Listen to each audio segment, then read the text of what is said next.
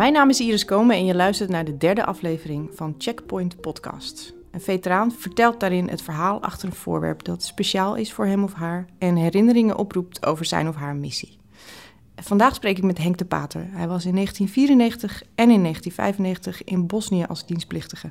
Hij was gestationeerd in Lukovac en hij zat bij de genie-eenheid van Support Command, ondersteunende eenheid van Dutchbed. Welkom Henk.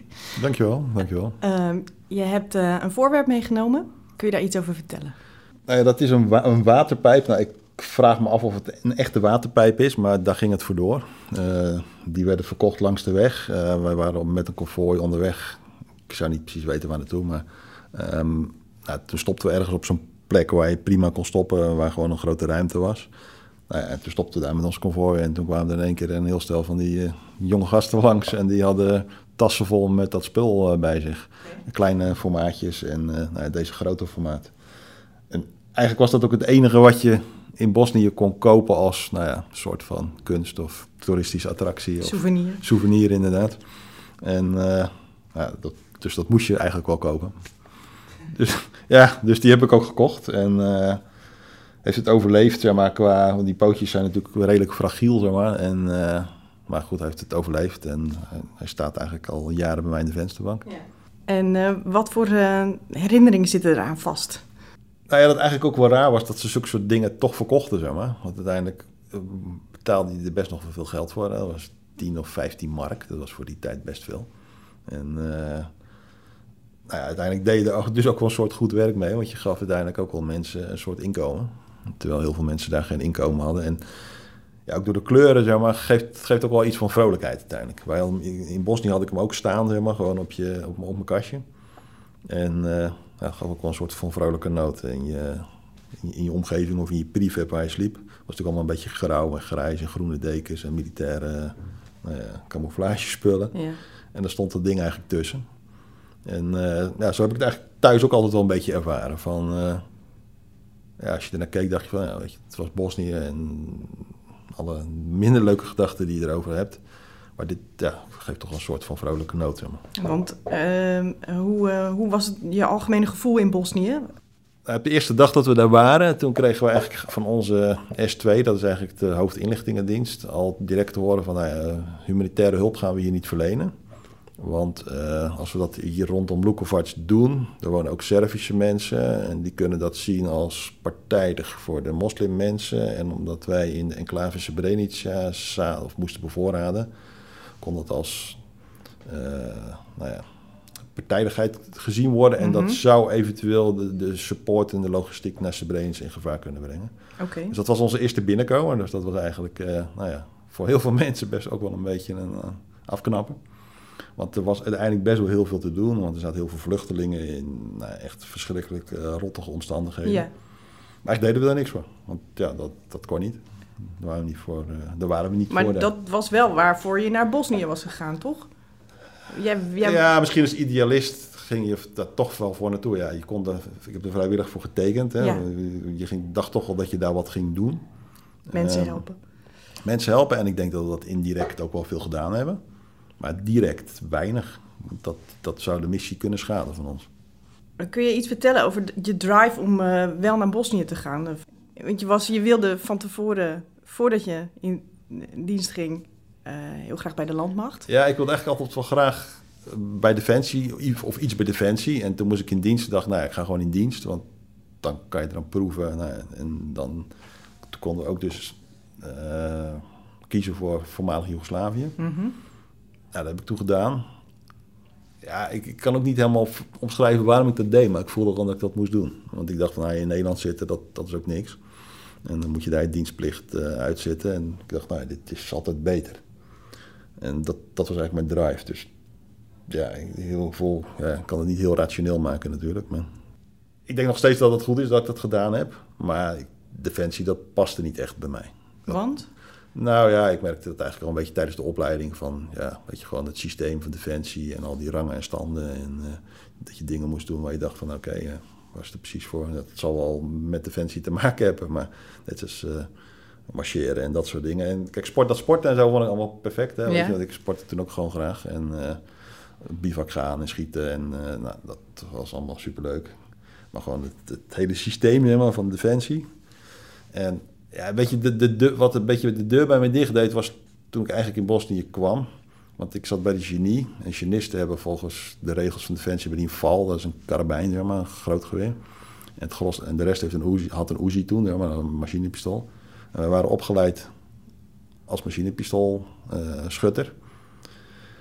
En toen een van de laatste dagen, net voordat we naar Bosnië gingen, toen kregen we een lijst en stond een F achter mijn naam en achter de rest stond een U, een U zeg maar. Dus ik ging naar onze kapitein. Ik zei van, nou ja, er een F achter. Betekent dat val? Nee, je krijgt gewoon Uzi.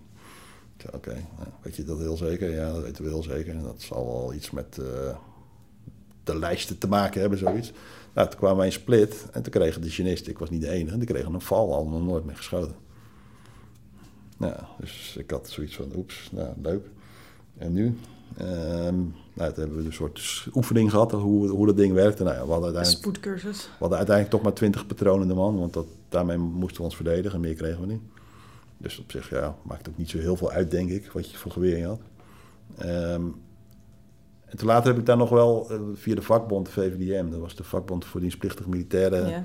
hebben we daar nog kamervragen laten stellen. En toen kwam ik terug van mijn verlof. Het was alles, iedereen die nog nooit met een uh, val had geschoten, die had een Uzi gekregen. Dus er werd wel iets mee gedaan. Ja. Dus het was ergens in de organisatie al het verkeerd. Nou, weet je, dat, weet je, dat soort dingen en nog een paar van dat soort dingen. Dacht van, nou, ik moet gewoon niet bij Defensie gaan werken. Dat past mij niet. Nee, past niet bij jou. In Bosnië heb je ook een uh, dagboek bijgehouden. Ja. En uh, waarom deed je dat? Ja, weet ik eigenlijk niet. Oh. ja, ik dacht van, dat ga ik gewoon doen. En uh, ja, misschien ook om mezelf, zeg maar. Ja, niet echt hetzelfde, maar ik vond ook gewoon, ja, ik vond het ook interessant, zeg maar. Weet je, het was natuurlijk conflict en ik wilde er wel veel van weten. Ja. En ik, ik zat s'avonds ook eigenlijk altijd bij de inlichtingenpraatjes, zeg maar. Dat je ook avond een inlichtingenpraatje en dat vond ze ook helemaal niet erg dat ik dat deed. Dat vond ze eigenlijk wel leuk. Dus ik kreeg ook best wel heel veel insight. Je was wel, wel nieuwsgierig, zeg maar. Ja. Uh, nieuwsgieriger dan gemiddeld. Ja, dat denk ik wel, Dan ja. je collega's. Ja, en uh, ik, dus kreeg ik best wel veel insight informatie. En uh, nou, dat heb ik allemaal opgeschreven. Oké. Okay. En ja, dat heb ik 23 jaar in de kast laten liggen. Ja. Je hebt het opgeschreven en daarna er nooit meer naar omgekeken. Nou, ik heb het wel verwerkt. Ik heb het wel uitgetypt, zeg maar. Okay. Dus, dus, ik heb het ook wel... Toen je thuis was meteen? Ja, in, in, in mijn verlof en daarna twee maanden betaald verlof nog. En toen heb ik het ook in soort mappen gestopt met de foto's ertussen geplakt. Dus het was ook echt wel een dagboek waar het verhaal klopte bij de foto's. Zeg maar. En ik merkte wel dat ik later, toen in die periode, er ook informatie bij heb geschoven. die ik eigenlijk niet in het dagboek had staan, maar die ik dan weer uit kranten had gehaald. Dus moet ik zeggen, dat kost nog even tijd om, nu ik het aan herschrijven ben, om die eruit te halen en dat in soort infoblokken te zetten. Maar ik moet ik zeggen, ja, ik denk dat het ook wel heeft geholpen. Je, structureert het ook wel op een bepaalde manier, dus je kan er iets meer ja, body aan geven. Ik weet het niet precies, maar... Ja, dat uh, uh, heb je. Maar de, ik begrijp niet helemaal of je het nou meteen hebt geordend of de, in de loop der jaren. Nee, of? nee ik, heb het, ik heb het geordend zeg maar, tijdens mijn verlof en nadat ik terugkwam. Ja. En toen heb ik het in de kast gegooid. En toen heb je 23 jaar uh, ja. laten liggen. En uh, ik begreep uit ons eerdere gesprek ook dat je ook nauwelijks over uh, je periode in Bosnië praatte. Nee, nee dat kon ik niet. Nee. En, en, wilde je dat wel? En ja, eigenlijk wel, ja. ja. Oké. Okay. Ja, maar er zat iets tussen, zeg maar. Dat, dat, dat, ja, dat, dat lukte gewoon niet. En ik ben daarna ook nog naar Nigeria geweest, zeg maar, voor mijn werk. Ja. En nou ja, hebben we ook bijna gekidnapt en ook bedreiging en geweld gezien. Zeg maar, daar. Heftige dingen meegemaakt. Dus dat, dat hielp ook niet, zeg maar. Dus ik kwam gewoon een stapel bovenop. En ik ben in... Voelde je dat wel, dat dat, was, dat, je dat, dat het aan het stapelen was? Ja, nou ja, je was met het Nigeria bezig. Ja. Dus dat Bosnië lag daar een soort la, een aantal lagen onder. Oké, okay. maar het was er nog wel. Maar, ja, maar ja. dat verdwijnt, dat ja, verdwijnt dan precies. ook gewoon. Ja, en toen, uh, uh, toen na twintig jaar kwam dat opeens naar boven? Het was 2015. Ik was net mijn eigen zaak begonnen. Uh, we waren een huis aan het bouwen. Ehm, mijn schoonvader werd heel ernstig ziek. We hadden wat gezeur in de omgeving. Uh, relationele familieomstandigheden. Mm -hmm. En toen voelde ik in één keer dat ik een soort baksteen in mijn buik ging dragen. Die werd ongeveer zo groot, zeg maar. En die kon ook echt, die kon ook niet meer slapen. En Je lijf ging eh, ja, en al, zeg maar, alles, dingen doen. al die lagen, zeg maar, die gingen een soort draaien en mixen en Een kustklas. soort draaikolk. Ja, dus ik was echt een beetje, vooral s'nachts was ik gewoon een soort nou ja, de regie kwijt. Ja, En, en overdag ging het wel aardig goed, zeg maar. Dus ik heb ook gewoon, ben gewoon door blijven werken en het huis is afgemaakt en ehm, project afgerond, zeg maar. Ja, weet je, dat ging allemaal goed. En ik denk ook dat, mijn, of tenminste, ik weet ook dat mijn omgeving nu zegt van, eh, dat, dat, dat hebben we echt nooit gezien en nooit gemerkt. Oh, ze hadden het niet in de gaten? Nee. En je vrouw was de enige die het in de Thuis gaten wel, ja. ja. Ja. thuis wel. Ja. Je moet het ergens, je moet het ergens nee, een soort van kwijt, zeg maar. ja. En eh, nou, toen ben ik in 2016 ben ik toch om hulp, hulp gaan zoeken, zeg maar. Het heeft best wel een tijdje geduurd. En eh, nou, toen kwam ik bij een psycholoog, van, een beetje van horen zeggen. Maar die was zo to the point, zeg maar, die man. Die zegt van, nee, we gaan helemaal niet met al die dingetjes beginnen. We gaan gewoon gelijk naar het probleem, zeg maar. En die heeft mij gewoon geholpen om, ja, ik, ik noem het eigenlijk een soort, het was eigenlijk een soort vulkaan, hè, met een soort rubberdeksel erop. Ja, En dat borrelde continu, zeg maar. En nou, toen scheurde het blijkbaar en het explodeerde niet. En nou, hij heeft mij eigenlijk geholpen zo die soort lavastroom te, kanaliseren. te, kanaliseren. Ja, en toen ben ik toch eh, de dingen ja, toch wel gaan ordenen eigenlijk.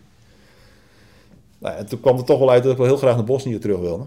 Oké, En, en het was, natuurlijk- dat is natuurlijk ook wel mogelijk. Zeg maar, naar, naar Nigeria, dan kan je gewoon niet meer terug. Zeg maar. want Dat is eh, een soort afgesloten verhaal, te Ja. gevaarlijk. Ja. Dus toen ben ik met mijn zoon naar Bosnië geweest. Een week. Nou, ik moet ik zeggen, dat vond, het was, ik vond het ook wel heel heftig, maar ik vond het ook wel heel mooi. En Hoe- en hoe, wat, kreeg je hetzelfde gevoel als eh, twintig jaar geleden? Of was dat anders? Daar ging ook wel met een redelijke baksteen in mijn buik naartoe. Wel, ja. Ja. maar het kwam toen in, in Sarajevo, zijn we naartoe gevlogen. Mhm. En toen kwamen we daar. Ja, weet je, de mensen waren echt super aardig. Weet je, de mensen die vonden het. eh, eh, nou, onze gids zei, we hebben een dag met een gids daar rondgereden. Zeg maar, die zei: ik, ik haat de VN. Ik haat, we haten allemaal de VN. Maar de VN'ers zelf haten we niet. Want die kwamen hier om, nou ja, om iets te doen. Ja. Alleen het systeem erboven was verrot. En ja, die mensen waren gewoon heel open. En, en ze wilden gewoon heel graag weten waarom je dat had gedaan. Dat je een beetje vrijwillig was gegaan. En, en, en ze deelden ook gewoon alles, weet je. En ik kwam er toen ook achter van... Ja, je denkt natuurlijk, je hebt zelf PTSS gehad, of je hebt het nog. Nou ja, weet, weet ook niet precies of dat ooit eindigt, zeg maar. Maar het is een hele stad vol met PTSS, hè, Ja. serieus. We zijn gewoon vijf jaar omsingeld geweest. Elke dag kwamen er minimaal 200, 300 granaten naar beneden. Ja. Er zijn 15.000 doden gevallen. En de hele stad vol, dus het is, het is niet alleen militairen die dat probleem hebben. Je deelt hetzelfde trauma. Ja, ja, dus dat vond ik eigenlijk wel heel mooi. Ja. En nou, je ziet- ook wel de andere kant weer. Wij waren ook in, in eh Visoko. Daar heb je van die nou, soort van piramides misschien, maar. Die hebben ze ooit daar gevonden. En toen zaten we op het terrasje te praten met een aantal mensen. Nou, die waren van de, de, de ons niet goedgezinde partij. En toen ze hoorden dat wij naar Srebrenica gingen die dag, toen zeiden ze van ja, nou ja, we hebben het nog helemaal niet afgemaakt. Of het is nog niet opgelost. Eh, onze klus is nog niet geklaard. Dus die zaten er echt wel anders in als andere mensen. Ja. Dat vond ik echt wel, dat was echt wel een soort, eh, nou ja, een soort domper helemaal op je dag. Ja. En toen, eh, nou, toen reden we naar Srebrenica. Ja, dan ga je toch ga je van Bosnisch gebied naar Servisch gebied. Dat vond ik eigenlijk best wel een soort van eng eigenlijk. Hè? Ja. Want dat, weet je, dat was de, nou, de vijand. Zeg maar. en uh, ja, Srebrenica, ja, kan je, niet, kan je niet echt beschrijven. Dat is gewoon natuurlijk, ja, dat is het gevoel, weet je, 8000 uh, grafstenen en, en de locatie. Maar als je daar dan rijdt, dan denk je, maar ja, we hebben toch wel een soort van zitten slapen dat we met zo weinig mensen in zo'n afgelegen gebied, wat zo omringd was door de Serviërs, waar je zo slecht weg kon. Um, nou, dat, dat, dat de politiek daar zo onnozel 400 mensen heeft gedropt. Ja. Zonder steun, zonder nou ja, luchtsteun eigenlijk. Dat, dat, dat was niks zeker. En wij moesten hun bevoorraden. Nou, dat, dat moest door hetzelfde rotgebied uiteindelijk, met dezelfde slechte wegen en, en alle roadblocks en alle nou ja, gijzelingen die de Serviërs op, op, op, ook mijn collega's zeg maar, hebben uitgevoerd. ja, het was ook wel heel onnozel. We wilden heel graag iets doen, zeg maar. Kwam, kwam dat besef nog harder binnen toen je Ja, weer vond ik wel, was? ja. Eigenlijk, eigenlijk pas toen, hè. Want ik bedoel, op de kaart, eh, nou ja, als je de schaal maar klein genoeg zet, dan lijkt het niet heel ver. Nee. En er zijn natuurlijk in het verleden wel meer mensen geweest die dat gedaan hebben. Maar ja, het is gewoon echt een heel rot. Het was gewoon 100 kilometer rijden. Ja. En, en, en door vijandelijk gebied. En eh, met alle, ja, weet je, gewoon alle frustraties en roadblocks en eh, pesterijen. Dus ja, ik hoop dat we daar ooit wel wat van geleerd hebben. Maar En kon je dat ook overbrengen op je zoon? Voelde hij dat ook? ja, die vond het wel heel heftig. Die, die, die- pas toen we in Mostar waren, dat was de laatste dag, zeg maar. Ja? Toen zei hij van, ja, nu heb ik echt wel een vakantiegevoel. Want dat, dat, dat, is, dat is redelijk toeristisch. Hè? Ja. Dan heb je gewoon allemaal van die winkeltjes met... eh, nou ja, weet je, als je naar Madrid gaat, eh, heb Ja. je ook zo, dat soort winkeltjes. Dus toen zei hij van, ja, nu heb ik wel vakantie. Ja, maar die- meer onbezorgde gevoel van Ja, die eh, andere dagen echt toeristische niet. stad. Ja. Maar ook die mensen, zeg maar, die zeiden dat, het, dat de klus niet klaar was, hè, Ja. Visoko, dat, dat zag je echt in hun ogen. En dat zag hij ook. ja, haat. Ja, gewoon, dat vond, dat, dat vond hij ook echt wel eng. Zo. Ja, kan ik me voorstellen. Hoe gaat het nu met je? Heel goed. ja, ja, ik vind het wel goed. Ja, weet je, ik kan er... Ik ben met het boek bezig, zeg maar. Ik heb ook op LinkedIn gisteren een blog geschreven. Ja, want je maakt van je, bent van je dagboek een boek aan het maken. Ja, de, het, het boek is er eigenlijk min of meer al. Het moet alleen nog... Nou ja, de stenen moeten af en toe nog eh, goed gestapeld worden. En ja, het moet gecorrigeerd worden. Maar goed, dat is meer technisch iets. Ja. En, eh, maar ik hou een blog bij, zeg maar, dat ik... Nou, waar ik uiteindelijk heb eh, gelanceerd dat ik een contract heb getekend voor een boek. En ja, dat is toch heel leuk om te zien hoeveel mensen die het ook eigenlijk helemaal niet weten, zeg maar, daar nu wel... In jouw omgeving? Ja, Ja. ja. dus voor, voor heel veel mensen... Veel er mensen twintig jaar niet over gepraat. ja, dus- veel- ja, sommige mensen wi- wisten wel iets, zeg maar. ja. Maar het is voor heel veel mensen wel nieuw dat je gewoon dat in een blog zo openhartig beschrijft. zeg ja. En wat voor reacties krijg je dan?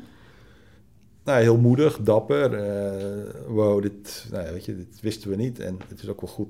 En ik heb nooit geweten dat het zo zat. Weet je, gewoon, eh, ik heb iets over die safe havens en die safe areas geschreven. Ja. En, en ik heb ook filmpjes ingeplakt, zeg maar, van hoe, hoe het ongeveer was in Bosnië. Mhm. Nou, ik merk ook dat mensen dat echt, echt heftig vinden. Ja. En dat is, nou ja, dat, dat, dat verschilt niet heel veel met wat er in Syrië gebeurt, zeg maar. Nee. Of gebeurde. Ja. Want uiteindelijk was Syrië is natuurlijk veel groter. Er zijn ook wel heel veel mensen eh, omgekomen. Maar als je, de, nou je ziet dat er gewoon de helft van de Bosnische bevolking op de vlucht was. eh, nou ja, dan, dan, dan, dan kan je dat wel min of meer een beetje vergelijken met elkaar. Ja. Qua, hoeveel, qua nou ja, hoe zeg je dat, relatieve aantallen. En er, zijn, er is ook gewoon heel veel filmmateriaal. Heel veel mensen vinden dat toch waarschijnlijk blijkbaar heel belangrijk hoe hun gevechten nou ja, op video werden gemaakt. Het boek komt uit in... Mei volgend jaar, Ja? dus 25 jaar nadat ik terugkwam. Oké. En eh, nou ja, je moet een datum prikken en het kost me sowieso nog wel wat tijd om het echt af te maken, zeg maar. Dus ik dacht van, nou ja, dat is dan een mooie datum om naartoe te, toe te schrijven. En ja, ik had ook een andere datum kunnen kiezen, maar het leek mij de mooiste datum uiteindelijk. Ja. Hey, en nog heel even terug naar eh, je waterpijp. Die staat bij jou in de woonkamer, hè? En- Nee, dat in mijn werkkamer? Oh, sorry, in je werkkamer. Ja. Op de achterpagina van Checkpoint eh, eh, zeg je dat het als een soort foto is die er, hè, een familielid en een fotolijstje. Kun je dat uitleggen? Nou, het geeft ook wel de, de, de goede kant aan, aan van de missie. Wat ik zei, het zijn vrolijke kleuren. Het is iets wat natuurlijk redelijk neutraal is. En die kocht het van gasten die gewoon geld wilden verdienen. En die gewoon iets maakten. En ik weet helemaal niet of dat helemaal bij de historie van Bosnië hoort. Maar dat boeit eigenlijk niet zoveel. Ehm, dus hij staat er, ja, het is net met een foto. Ik, ik heb eigenlijk ook sinds twee maanden pas eh, een aantal foto's van, van toen zeg maar, opgehangen met mijn eh, en toen medailles gehad. Toen en hoort zo'n soort oorkonde bij. Nou, dat zat eigenlijk altijd in de kast bij mij. En ik, kan, ik heb het nu opgehangen omdat ik het ook niet onprettig vind dat het er hangt. Ja, het heeft een plek gekregen. Ja, ik denk het wel, ja. Ja. Ik bedoel, en het is heus niet altijd... eh, nou, het is de, ene, dag- de ene dag is het wel eens wat minder makkelijk, zeg maar. Maar het is, het is beter handelbaar dan vroeger. Ja. En, en ook gewoon naar mensen om je heen. Je kan er ook gewoon over praten zonder dat je gaat zweten... en dat je een soort baksteen in je buik krijgt. Ja. Ja, anders zat ik hier ook niet. Maar... Nee, precies. Nou, dankjewel Henk. Graag gedaan. Mooi verhaal. Je luisterde naar het verhaal van Henk de Pater over zijn missie in Bosnië. Ehm, zijn boek United Nothing komt uit op 25 mei 2020. En Henk houdt een blog bij over zijn proces van boekschrijven. En het uh, adres van het blog vind je in de tekst onder de podcast.